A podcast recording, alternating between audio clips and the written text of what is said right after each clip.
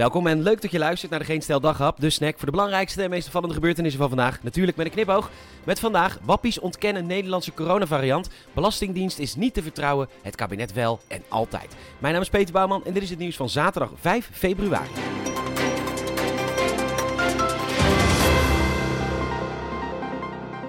Zoals bekend hebben wij in Nederland een heel ander coronavirus dan bijvoorbeeld in Zweden, Finland, Ierland, Denemarken en Engeland. Ik kwam eerder deze week terug van vakantie en daar merk je het al bij de paspoortcontrole. Nederlanders werden er structureel uitgepikt in de rij. Want Nederlanders hebben een virus dat veel besmettelijker en dodelijker is dan andere nationaliteiten. Behalve als het gaat om maatregelen als mondkapjes en QR-codes, dan hebben we precies hetzelfde virus natuurlijk. Voor de rest is het Nederlandse coronavirus uniek voor Nederland. En nu zijn er dus mensen die dat dus niet geloven. Dat zijn dus mensen die denken dat over de hele wereld hetzelfde virus rondwaart. En dat dus de maatregelen als QR-codes en gedeeltelijke lockdowns en vroege sluiting van horeca totaal onzinnig zijn. Ja, zeggen die mensen. Kijk maar naar Zweden, Finland, Ierland, Denemarken en Engeland. Van de gekken natuurlijk. Maar die mensen bestaan dus en ze hebben zich verenigd onder Mona Keizer en de website onverdeeldopen.nl.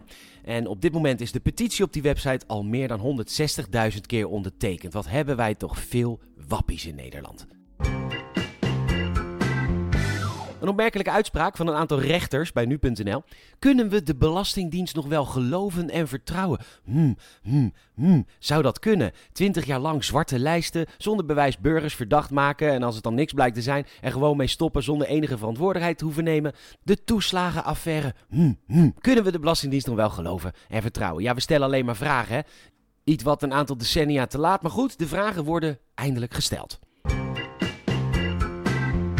Over vertrouwen gesproken, Omroep Friesland laat weten dat VVD Tweede Kamerlid Harry Bevers vindt dat de gaswinning in het Friese Ternaard, Waddengebied, wel door kan gaan. Hij zegt het kabinet volledig te vertrouwen en als het kabinet vindt dat het kan, dan kan het. Ja, natuurlijk helemaal logisch, want het kabinet heeft altijd het beste voor met de burger. Friesland, u kunt rustig slapen. Harry Bevers waakt over u.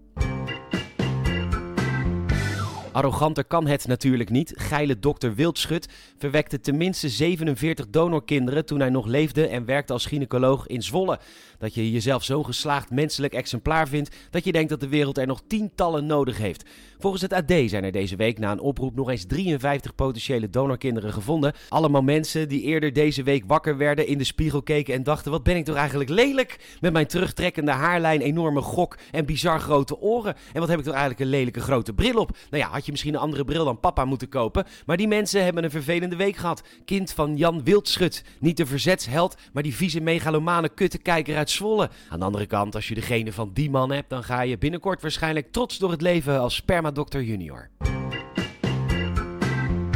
We staan hier in Rotterdam, waar op dit moment een doodzaaie demonstratie gaande is.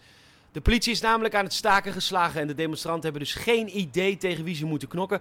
Daarbovenop uh, is ook Sparta Feyenoord. En ook die lui hebben geen idee wat ze moeten doen voor wat vertier in de stad. Luister eens hoe stil het is. Niks te doen hier. Het lijkt Amsterdam wel. Er was sport.